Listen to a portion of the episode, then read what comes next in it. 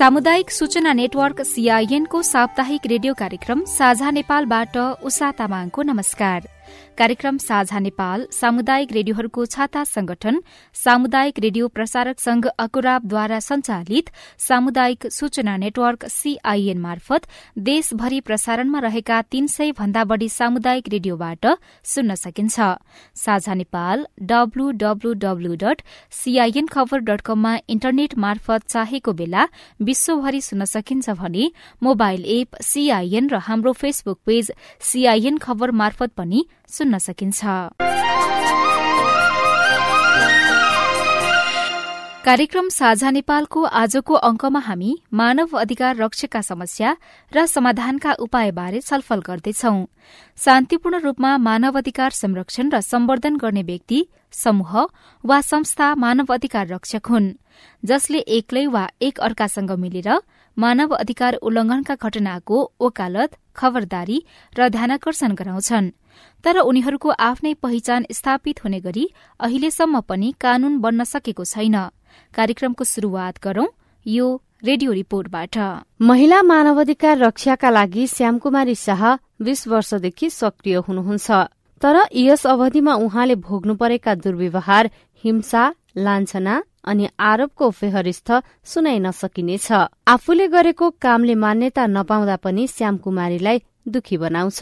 सुरक्षाको चुनौती हुँदाखेरि चाहिँ कसले सुरक्षा दिने त भन्ने खालको कुरामा पनि त्यो एउटा आम नागरिक जस्तै गरी यो मानव अधिकारको क्षेत्रमा काम गर्ने साथीहरूको पनि सुरक्षाको सवाल चाहिँ त्यसरी नै आउँछ। उहाँहरू चाहिँ कहीँ काम गर्न गयो भने सुरक्षित जान पाउनुपर्छ वा सुरक्षित हुनुपर्छ भन्ने खालको पनि कुनै मेकानिजमहरू चाहिँ छैन। घटनामा पीड़ितको न्यायको लागि आवाज उठाउने व्यक्तिले धम्की हिंसा तथा गैर कानूनी पक्राउको सामना गर्नु परेको अवस्था हालसम्म छ।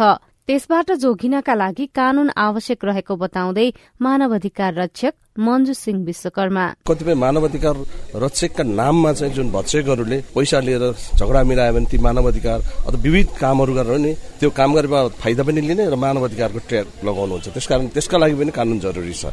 कानून भयो भने सम्बन्धित सरकारवालाहरू पनि अलिकति जिम्मेवार हुनुहुन्छ। मानवाधिकारका लागि देशभर कति व्यक्ति र संघ संस्थाले रक्षकको काम गरिरहेका छन् भन्ने यकिन तथ्याङ्क कतै पनि छैन। उनीहरू वर्षौंदेखि पहिचान बिना नै खट्ने अवस्था अन्त्य गर्न राष्ट्रिय मानवाधिकार आयोगले कानूनको मस्यौदा तयार गरिरहेको छ। यो मस्यौदामा मानवाधिकार रक्षकको पहिचान र अधिकार अभिलेख तथा प्रोत्साहन सुरक्षा सम्बन्धी व्यवस्था कोष तथा कसुर र सजाय सम्बन्धी व्यवस्था प्रस्ताव छ। मानवाधिकार रक्षकहरूको अवस्था अध्ययन प्रतिवेदन दुई हजार उना अस्सीले मानवाधिकार रक्षकको सुरक्षा पहिचान तथा भूमिकालाई स्वीकार्य बनाउन अनि मान्यता दिन सरकारलाई सुझाएको छ। आयोगका पूर्व सदस्य कपिल श्रेष्ठ।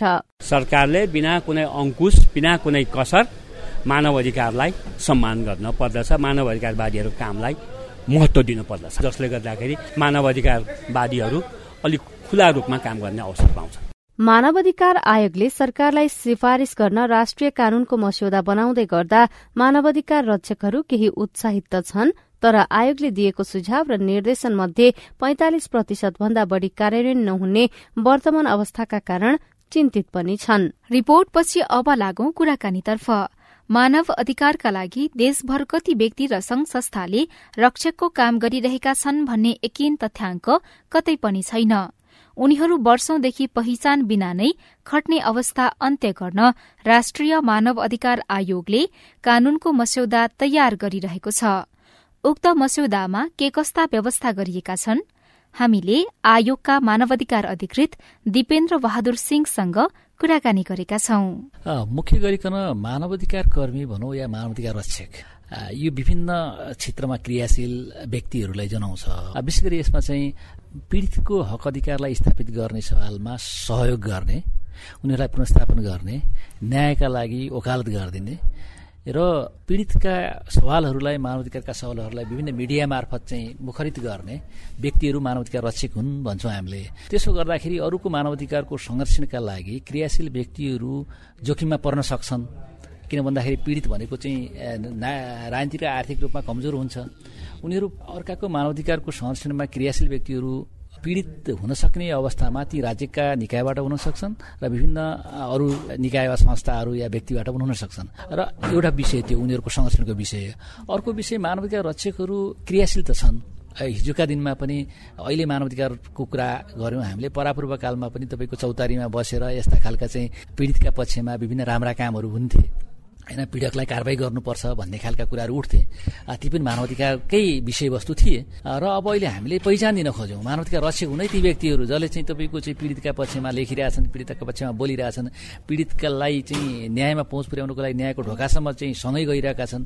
ती व्यक्तिहरू मानवाधिकार रक्षक हुन् भन्यौँ हामीले त्यो एउटा खालको पहिचान दिनुपर्छ भन्यौँ। अब पहिचान दिएर के हुन्छ त भन्दाखेरि मान्यता पाइरहेका छन्। मान्यता भनेको कस्तो स्वीकार्यता।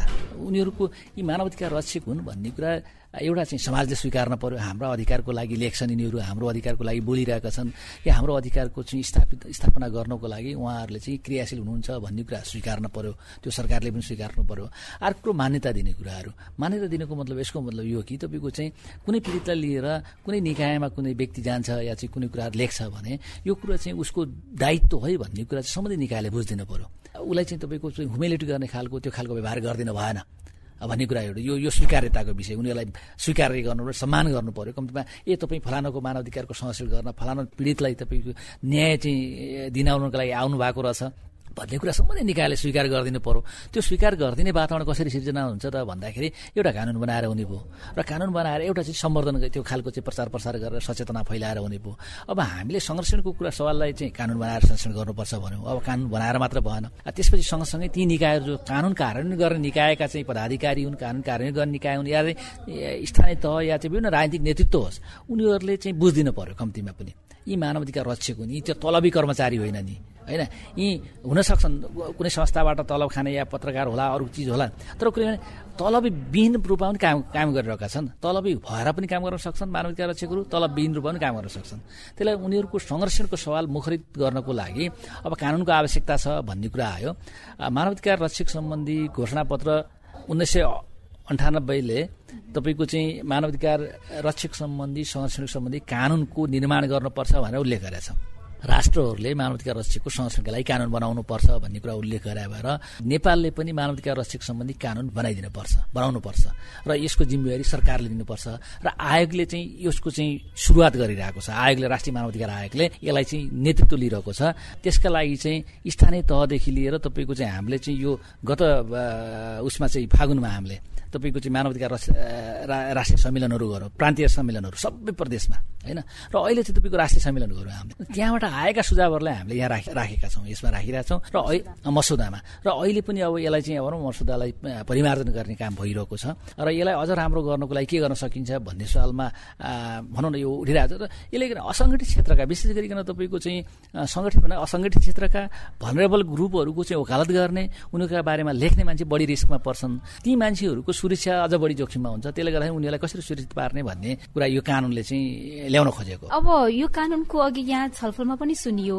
यो चाहिँ खास गरेर राज्य विरोधी पनि हुने कतिपय अवस्थामा चाहिँ राज्यको विरुद्धमा पनि हुने स्थिति पनि आउँछ। त्यही भएर यो खासै राज्यले चाहिँ अब यसलाई लास्टमा गएर पारितै गर्दैन भन्ने खालको कुराहरू पनि सुनियो। निराशा पनि हो कि सत्य पनि छ कि यसमा होइन? त्यो चाहिँ के हुन्छ? अब मानवाधिकार भन्ने बित्तिकै तपाईँको यसलाई धेरै ठुलो एरिया हो मानव अधिकारको एरिया चाहिँ होइन। अब हामीले चाहिँ उठाउने एरिया भनेको संविधान कानुन र अन्तर्राष्ट्रिय महासन्धिहरू नेपालले अनुमोदन गरेका अन्तर्राष्ट्रिय महासन्धिको पेरिफेरीमा रहेर त्यसको दायरामा रहेर वकालत गर्छौँ हामीले पीडितको पक्षमा। नेपालको संविधानले मौलिक हक अन्तर्गत व्यवस्था गरेका अधिकारको कार्यान्वयनको सवाललाई उठाउँछौँ। त्यसले गर्दाखेरि त्यो सवाल चाहिँ राज्य विरोधी हुन सक्दैन। त्यो राज्य किनभने त्यो त्यो संरक्षण गर्ने कार्यान्वयन गर्ने जिम्मेवारी राज्यको हो नि त सरकारको हो नि त। त्यसले गर्दाखेरि हामीले वकालत गर्ने हामीले संरक्षण गर्ने भनेको चाहिँ ती चाहिँ त्यो वकालत ती कुराहरूको वकालतको लागि हो। अब बियोन्ड दायर भनौँ तपाईँको त्योभन्दा पर गयो। गएर नेपालको संविधान नेपालको कानुन अब तपाईँको चाहिँ यो अन्तर्राष्ट्रिय महासन्धिभन्दा पर गएर वकालत गर्ने कुरा फेरि कानुनको बरिखिलाप हुनसक्छ जे पनि मानवाधिकार हुन सक्दैन होइन? जे जे कुरा पनि मानवाधिकार हुन सक्दैन। तर कुरो के भने राज्यले गरेका सबै कार्य मानवाधिकार मैत्री हुन्छन् भन्ने छैन। राज्यले सरकारले गरेका मानवाधिकार विरोधी कार्यहरूका विरुद्ध जान पाइन्छ। त्यो पनि शान्तिपूर्ण तरिकाले। यो एउटा एउटा महत्त्वपूर्ण कुरो के छ भन्दाखेरि मानवाधिकार रक्षकले प्रदर्शन गर्न पाउँछन् आफ्ना कुरा गर्न राख्न पाउँछन् विरोध जनाउन पाउँछन्। तर त्यो शान्तिपूर्ण भन्ने एउटा शब्द छ। शान्तिपूर्ण तरिकालाई जब उसले चाहिँ भायोलेसन गर्छ मानवाधिकार रक्षकले त्यो चाहिँ मानवाधिकार रक्षक हुन सक्दैन। धेरै शान्तिपूर्ण भन्ने शब्द नै महत्त्वपूर्ण छ यहाँ। शान्तिपूर्ण तरिकाले जस्तै हिंसालाई प्रवर्धन गर्ने गरी कसैको मानवाधिकार उल्लङ्घन भयो भने अर्को पक्ष फेरि त्यसको चाहिँ संरक्षण गर्नको लागि हिंसाको प्रयोग चाहिँ स्वीकार्य हुँदैन। त्यो भाषामा होस् या क्रियाकलापमा होस् त्यसले गर्दाखेरि हिंसालाई हामीले चाहिँ कुनै पनि हालतमा चाहिँ हामीले चाहिँ संरक्षण गर्दैनौँ या त्यसलाई समर्थन गर्न सक्ने कन्डिसन नै रहँदैन त्यो अवस्था नै रहँदैन। त्यसले गर्दाखेरि हामी के के चाहिँ हुनुपर्छ भन्दाखेरि नेपालको संविधान नेपालले अनुमोदन गरेका अन्तर्राष्ट्रिय महासन्धिहरूले जुन राज्यलाई जो दायित्व अधीन गरेको छ दायित्व भनौँ यसले जिम्मेवार बनाएको छ। त्यो जिम्मेवारीले पुरा गर्ने सवालमा विरोध गर्न पाइन्छ। होइन लेख्न पाइन्छ बोल्न पाइन्छ। तर कुरो त्यो शान्तिपूर्ण तरिकाले गर्न पाइन्छ। त्यसको त्यो चाहिँ त्यो फेरि राज्य विरोधी हुँदैन। राज्य विरोधी त्यसलाई भन्न मिल्दैन। सरकार सरकारले मान्न सक्छ हाम्रो विरोध गर्यो भन्दा भन्डान्न सक्छ। त्यस्तो अवस्थामा उसले चाहिँ कार्यान्वयन गर्नुपर्छ। कार्यान्वयन गरेर देखाउनुपर्छ। अब छोटोमा चाहिँ राष्ट्रिय मानवाधिकार आयोगले नै तयार गरिरहेको यो राष्ट्रिय कानूनको मस्यौदा यदि भोलि पारित भएर कानूनको रूपमा कार्यान्वयनमा आयो भनेदेखि चाहिँ राष्ट्रिय मानवाधिकार अथवा मानवाधिकार रक्षकहरूको लागि चाहिँ कस्तो किसिमको सुविधाहरू अथवा कति किसिमको चाहिँ सहज मुख्य कुराहरू चाहिँ यो यो चाहिँ सुविधाहरू हुनेछ भन्ने खालको केही छ? यसमा हामी छलफलमै छौँ अहिले होइन? अब फेरि विज्ञहरूसँग हामी एकदम होइन भन्छु जस्तै विज्ञहरूसँग बस्छौँ यसलाई अन्तिम चरणमा यसको प्रोसेसको कुरा गर्दैछु प्रक्रियाको कुरो। यसलाई चाहिँ राष्ट्रिय मानवाधिकार आयोगले तपाईँको चाहिँ छलफल गर्छ फेरि अन्तिम उसमा र नेपाल सरकारलाई सिफारिस गर्छ। होइन? मानवाधिकार रक्षकको सुरक्षा र संरक्षण र उनीहरूको सम्मान र मर्यादाका लागि यो कानुन बनाउनु अनिवार्य अपरिहार्य भएकोले हामीले चाहिँ सिफारिस गरेका छौँ भनेर चाहिँ नेपाल सरकारलाई सिफारिस गर्छ। सिफारिस गर्ने क्रममा ए मसौदा पनि हामीले बनाएर दिएका छौँ। यो यो चरणमा छलफल भएर यो चाहिँ तपाईँहरूको सहजताका लागि यो यो मसौदा बनाउने काम हाम्रो होइन राष्ट्रिय मानवाधिकार आएको होइन। यो नेपाल सरकारले नै बनाउने हो। तर हामीले कस्तो भन्दाखेरि यो सहज होस् भन्नका लागि हामीले बनाएका हौँ। यो कुरालाई कस्तो भन्दाखेरि यो ढाँचालाई नेपाल सरकारले नमान्न सक्छ। तर कुरो के भन्दाखेरि जुन फन्डामेन्टल यहाँभित्रको फन्डामेन्टल कुरो हो नि त मानवाधिकार रक्षकका अधिकार के हुन् भन्ने कुरा र मानवाधिकार रक्षकको अधिकार संरक्षण गर्न कस्तो बनाउनुपर्छ भन्ने कुरा त हामी चाहिँ हामीले छलफल गरेर बनाएका छौँ। त्यसलाई चाहिँ मान्नपर्छ। बाँकी कुराको हकमा नेपाल सरकारले नै बनाउने हो। अब नेपाल सरकारले कार्यान्वयन गर्नुपर्छ यसलाई होइन? कार्यान्वयन गर्नुपर्छ र यसले चाहिँ विशेष गरिकन तपाईँको चाहिँ मानवाधिकार रक्षकको कामलाई सम्मान दिनेछ भन्ने कुरो हो। उनीहरूको क्रियाशीलतालाई उनीहरूको एक्टिभिजमलाई चाहिँ यसले एउटा खालको चाहिँ भन्न भनिन्छ नि। अहिले तपाईँको चाहिँ वैदेशिक चाहिँ डोनेसन ल्याएर कार्यक्रम गर्ने मानवाधिकार कर्मीहरू भन्ने खालको खालको चाहिँ छ नि। यो पनि एउटा अन्तर्राष्ट्रिय मानवाधिकार डेक्लेरेसनले संरक्षण गरेको विषय हो। तपाईँको चाहिँ विभिन्न सरकारी बजेटले होस् या चाहिँ अन्तर्राष्ट्रिय विभिन्न सङ्घ संस्थाहरूले दिने डोनेसनलाई यहाँ ल्याएर मानवाधिकार संरक्षणका लागि प्रवर्धनका लागि क्रियाशीलता देखाउने यो एउटा क्रियाकलाप हो। त्यो गर्नै नपाउने भने किन भन्दाखेरि नेपाल सरकार पनि त डोनेसन डोनेसनबाटै चलिरहेको छ। त्यसले गर्दाखेरि यो गर्न नपाउने होइन। तर कुरो के भन्दाखेरि त्यो ल्याएको रकमलाई मिसयुज गर्यो कि गरेन उसले कति चाहिँ तपाईँको चाहिँ काम गर्यो या त्यसलाई चाहिँ हिरामिना गर्यो कि गरेन त्यसको हेर्ने संयन्त्र हुनुपर्छ। हुनुपर्छ त्यसका समय त्यसलाई चाहिँ ओभरलुक गर्ने त्यो एजेन्सीहरू ओभरसाइट एजेन्सीहरू हुनुपर्छ भन्ने कुरा चाहिँ हो फेरि पनि। र कुरो के हो भन्दाखेरि मुख्य गरिकन यसले तल्लो तहमा क्रियाशील मानवाधिकार रक्षकहरू होइन लाई संरक्षण प्रदान गर्नेछ उनीहरूको कामलाई मान्यता दिनेछ उनीहरूको स्वीकार्यता उनीहरूको कार्यलाई स्वीकार्यता दिनेछ। एउटा चाहिँ एक किसिमले चाहिँ स्थानीय तहमा क्रियाशील मानवाधिकार रक्षकहरू पनि हामी मानवाधिकार रक्षक हौँ भनेर चाहिँ भन्न सक्ने कन्डिसनमा रहनेछन्। र उनीहरूको संरक्षणलाई तल्लो तह जिम्मेवार हुनेछ भन्ने चाहिँ परिकल्पना गरेका छौँ हामीले यसबाट चाहिँ। राष्ट्रिय मानवाधिकार आयोगका मानवाधिकार अधिकृत दिपेन्द्र बहादुर सिंहसँगको कुराकानीपछि कार्यक्रममा तपाईंलाई पुनः स्वागत छ। तपाई अहिले देशभरका सामुदायिक रेडियोसँगै सामुदायिक सूचना नेटवर्क सीआईएनबाट कार्यक्रम साझा नेपाल सुन्दै हुनुहुन्छ। आजको कार्यक्रममा हामी मानव अधिकार रक्षकका समस्या र समाधानका उपायबारे छलफल गर्दैछौ। मानव अधिकार रक्षक सम्बन्धी राष्ट्रिय कानूनको मस्यौदा आयोगले सरकारलाई सिफारिश गर्ने योजना बनाएको छ। तर मानवाधिकार आयोगले गरेका सिफारिश कार्यान्वयनमा सरकार गम्भीर बनेको देखिँदैन। आयोगले मानव अधिकार रक्षकहरूको सुरक्षाका लागि कसरी काम गरिरहेको छ? अध्यक्ष तप्त बहादुर मगरलाई साथी राजन रुचालले सोध्नु भएको छ। यहाँलाई स्वागत छ सीआईएनमा। धन्यवाद। मानवाधिकार आयोगको कुरा गर्दाखेरि चाहिँ मानवाधिकार आयोगसँग जोडिने थुप्रै विषयवस्तुहरू छन्। खास गरी मान्छेहरूको अधिकारकै कुरा भयो। अप्ठ्यारो परिस्थिति पीड़ितहरूले न्याय पाउने नपाउने थुप्रै कुराहरू जोडिन्छन्। पछिल्लो पटक हेर्दाखेरि लैङ्गिक हिंसाका घटनाहरू एकदमै धेरै बढेका छन्। मानवाधिकार आयोगमा पनि त्यस्ता खालका घटनाहरू आइपुग्छन् होला। तपाईँहरूले केलाएर हेर्दाखेरि चाहिँ कस्ता खालका घटनाहरू बढी जस्तो देखिन्छ? मानवाधिकार उल्लङ्घनको लैङ्गिक हिंसासँग सम्बन्धित के पाउनु भएको छ? तपाईँले भन्नुभयो जस्तो अहिले महिला हिंसाको घटना बढ्या हो कि? भन्ने जस्तो कुरा चाहिँ देखिएको छ। अब अहिले खास गरी चाहिँ महिला हिंसा भन्नाले चाहिँ महिलाहरूमा चाहिँ यौन हिंसा चाहिँ रूपमा चाहिँ बढी चाहिँ देखिराखेको छ। हामीले गर्दाखेरि पनि अब हामीहरू पनि अलिकति त्यसमा चाहिँ दाइजु साइजु कुराहरू पनि भयो। उत्पत्तिद्वारा पत्नीलाई अलि पीडित बनाउने जो कुराहरूको पनि आइरहेको छ। यस्तो कुराहरू चाहिँ हाम्रो उसमा भन्ने अनुगमनले पनि देखेको छ यस्तो किसिमले देखाएको छ। तर हामीले चाहिँ के भने यो कसरी चाहिँ उ गर्ने भन्ने कुरा चाहिँ त अब सम्बन्धित निकाली हेर्नुपर्ने हो। हामीको इन्फर्मेसन आउँछ। हामीले त इन्फर्मेसन आएपछि सम्बन्धीलाई कारवाही गर भनेर पठाउने कुरा अब अघि। हाम्रो पनि अनुगमन चाहिँ गर्छौँ। कहाँ कस्तो भइरहेछ भन्ने कुराहरू चाहिँ अहिले हेर्छौँ। त्यो चाहिँ हामीले पनि अनुगमन गरिराखेका छौँ अध्ययन गरिराखेका छौँ। जस्तो अध्ययन अनुगमनले चाहिँ के कुरा देखाउँछ? के कारणले गर्दाखेरि हिंसाका घटनाहरू बढिराखेका छन्? अब अहिले हेर्दाखेरि अब यकिन भन्न त सकिन्न तथापि हेर्दाखेरि अब फ्यामिली डिस्प्युटहरू नै भयो अघि। अब चित्त नबुझ्ने कुराहरू भयो फ्यामिली कुरामा त्यहाँ अलिकति मोनिटरी कुराहरू पनि हुन सक्छन् कुराहरू पनि सक्छन्। अब अंशबन्डाका कुराहरू पनि जोडेका घटनाहरू पनि देखिएको छ अघि।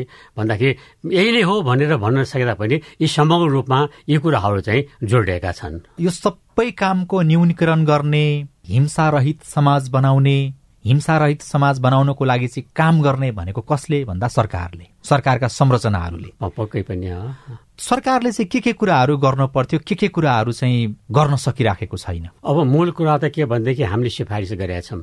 हामीले चाहिने जुन जुन सजाय गर्नु पर्ने सजाय गर्नु पर्यो भनेर सिफारिस गरेका छौँ।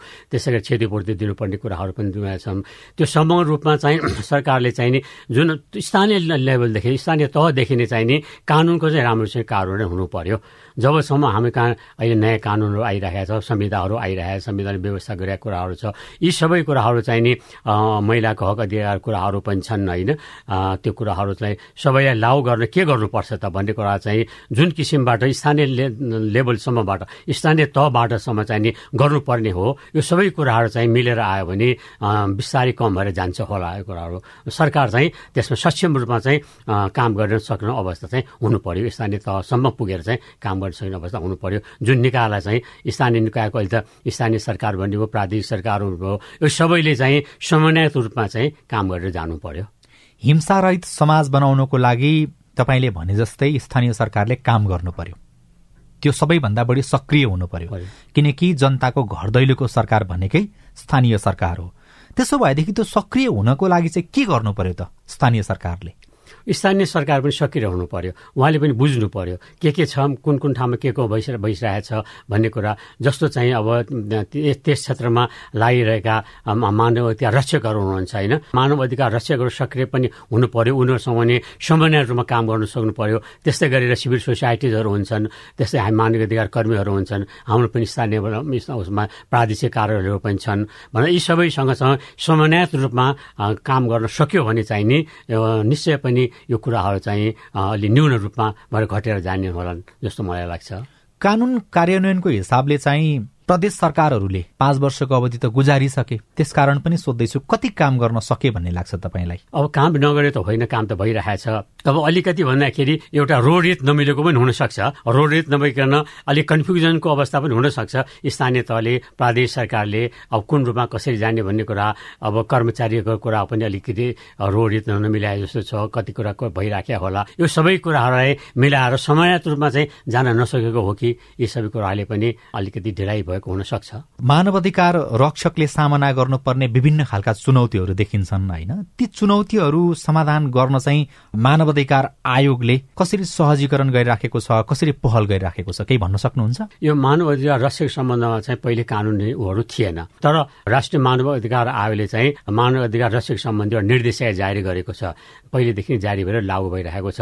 त्यस्तै गरेर मानव अधिकार रक्षकहरूको चाहिने सन्दर्भमा उहाँलाई चाहिने सुरक्षा भएन भन्ने कुरा कुरालाई लिएर गृह मन्त्रालयमा पनि एउटा उहाँको सुरक्षा सम्बन्धी चाहिँ नि आदेश जारी गरेको छ।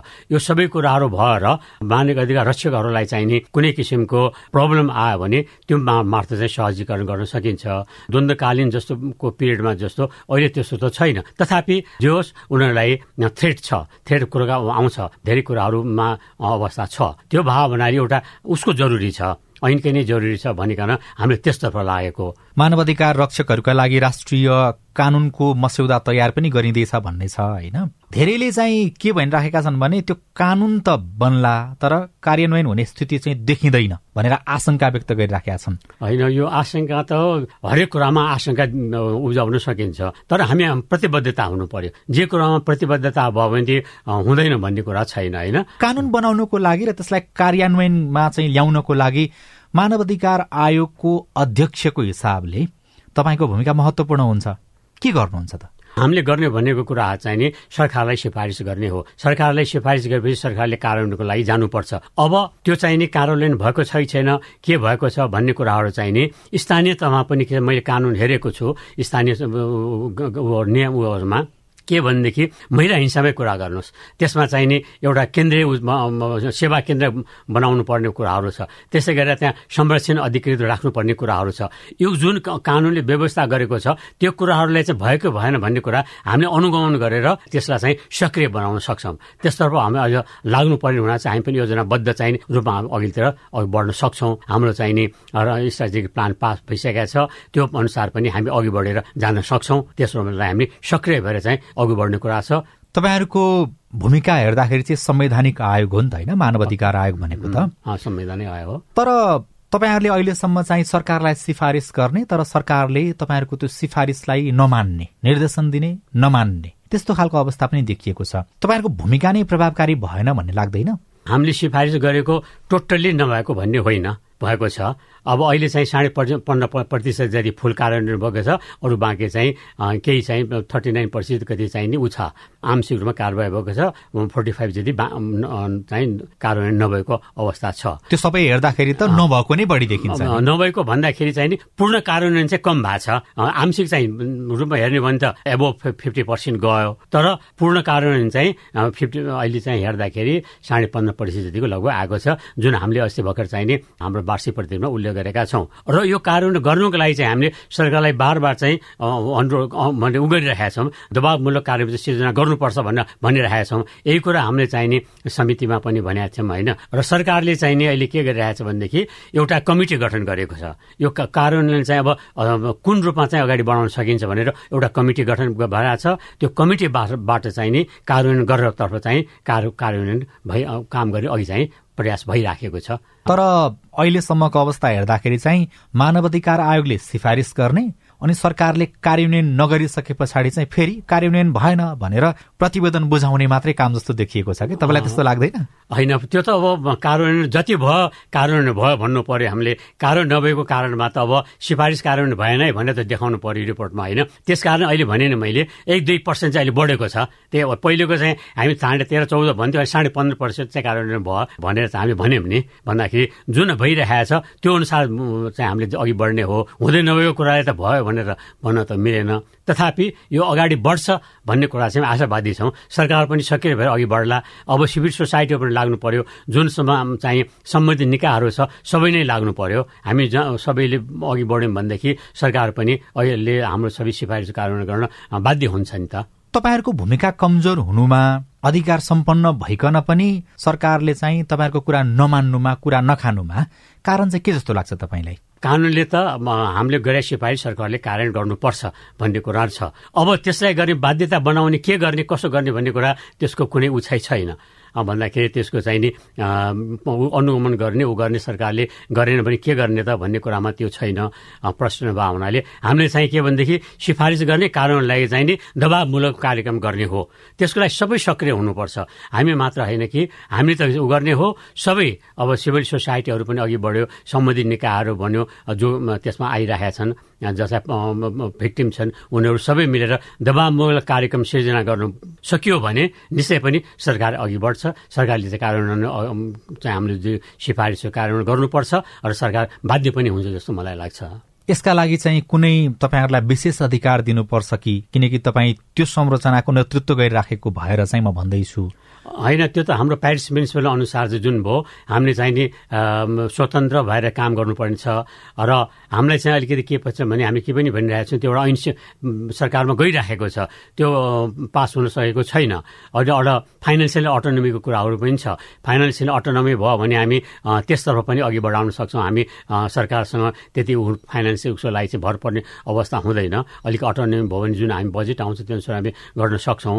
र त्यस्तै गरेर सरकारले सिफारिस बमोजिम काम गरेन भनेदेखि हामीलाई कसरी जाने त कुन रूपमा जाने भनिकन चाहिँ सबै निकायहरूसँग छलफल गरिकन सिभिल सोसाइटीमा गरी सोसाइटीहरूसँग पनि छलफल गरेर अघि बढ्ने अवस्था हुन्छ। निश्चय पनि अब कानुनले जे जे व्यवस्था गर्छ त्यो अनुसार चाहिँ हामी अघि बढ्न चाहिँ नि सक्छौँ। हाम्रो काहीँ जुन ऐन छ त्यो चाहिँ पास भएर आउनुपर्ने अवस्था छ। त्यो भयो भने अझ हामी बढी सक्रिय हुन सक्छौँ जस्तो लाग्छ। तपाईँलाई पनि कता कति सरकारले हामीले भनेको कुरा पत्याएन कि मानेन कि जस्तो चाहिँ लाग्यो हो? पत्याएन भन्नुभन्दा पनि सरकारको पनि बाध्यता हुन सक्छ सरकारले पनि बाध्य हुनसक्छ। जस्तो हामी द्वन्द्वकालीन कुराहरू छ। कति कुरा द्वन्द्वकालीन मुद्दा पनि हामीले सिफारिस गरिराखेका छौँ। त्यो अवस्थालाई शान्ति समाजमा भइसकेपछि अब कसरी के गर्ने कसरी कार्यान्वयन गर्ने के गर्ने भनेर सरकारलाई पनि अलिकति अप्ठ्यारो परेको पनि हुनसक्छ। तर हामीले त मानव अधिकार दृष्टिकोणबाट जसरी त्यस बेलामा ऊ देखेका दोषी देखेका छन् उनीहरूले कारवाही गर्नुपर्छ भनेर सिफारिस गर्ने हो। त्यो सिफारिस हामीले गरि पनि राखेका छौँ। तर त्यस्तो काममा चाहिँ अलिकति सरकारलाई अप्ठ्यारो परेको पनि हुनसक्छ। सरकारलाई अप्ठ्यारो पार्ने गरी तपाईँले सिफारिस किन गर्नुहुन्छ? होइन हाम्रो काम त सरकारले अप्ठ्यारो पार्ने गरेर होइन। हामीले सिफारिस गर्ने काम के भनेदेखि जुन कानुन बमोजिम हुन्छ जुन कानुन बमोजिम दोषी देखेका छन् उनीहरूलाई कारवाही गर्नु पर्यो भन्ने हामीले सिफारिस गर्ने हो। अब कारवाही गर्नु नगर्नु उहाँलाई अप्ठ्यारो पर्ने भनेको उनीहरूलाई के अप्ठ्यारो सरकारलाई कस्तो अप्ठ्यारो परेको छ त्यति मात्र हाम्रो कुराहरू हो। जस्तो सरकारलाई अप्ठ्यारो पर्ला कि भनेर चिन्ता जाहेर तपाईँले गर्दै गर्दा त कतै न कतै आग्रह जस्तो देखिन्छ होइन होइन हामीले चिन्ता गरेको होइन। हामी त कानुन बमोजिम जुन हामीले कानुनले म्यान्डेट दिएको छ त्यो कामोजिम गर्छौँ। गरिराखेका पनि छौँ। तर हाम्रो कार्यान्वयन गर्न सरकार त्यता कुनै अप्ठ्यारो पर्या हो कि भन्ने मात्र हाम्रो सोचाइ हो। हामीले त हाम्रो सिफारिस गरेका छौँ त्यो कार्यान्वयन हुनुपर्छ। कानुनले जुन दोषी देखिया छ ह्युमन राइट्स भायोलेसन भएको छ उनीहरूलाई कारवाही गर्नुपर्छ भन्ने चाहिँ कानुनले जुन तोकिया छ त्यो बमोजिम हामीले सिफारिस गर्ने हो। कानुनभन्दा यताउति होइन कानुन बमोजिम हामीले सिफारिस गरेका छौँ। कानुन कारवाही हुनुपर्छ भन्ने कुरो हाम्रो धारणा हो। हाम्रो आएको धारणा हो। आएको धारणा चाहिँ हामी सिफारिस गरेर पठाउँछौँ। त्यो चाहिँ भइरहेको छ हामीले गरिरहेका छौँ। अब कारवाही नहुन नसकेको कुरामा चाहिँ तपाईँले सोध्नुभयो भन्नाले सायद त्यसैले हो कि भन्ने एउटा हाम्रो आशंका मात्रै हो। आयोगको अडान्त जसरी पनि सरकारले आयोगले गरेको सिफारिस चाहिँ कार्यान्वयन गर्नुपर्छ भन्ने शङ्कै छैन सन्देह छैन। हाम्रो अडान त्यही हुन्छ। हामीले सिफारिस गरेको कुरा सरकारले चाहिँ कार्यान्वयन गर्नुपर्छ। त्यो कानुन बाध्यता पनि हो। कानुन गर्नुपर्ने कानुन बमोजिमको कार्य पनि हो। हस् समय संवादको लागि यहाँलाई धेरै धेरै धन्यवाद छ यहाँलाई पनि धन्यवाद। राष्ट्रिय मानवाधिकार आयोगका अध्यक्ष तप्त बहादुर मगरसँगको कुराकानीसँगै हामी कार्यक्रम साझा नेपालको अन्त्यमा आइपुगेका छौं। साझा नेपाल तपाईंलाई कस्तो लाग्यो? हाम्रो टेलिफोन नम्बर शून्य एक बान्न साठी छ चार छमा फोन गरेर आफ्नो जिज्ञासा सल्लाह सुझाव तथा प्रतिक्रिया रेकर्ड गर्न सक्नुहुन्छ।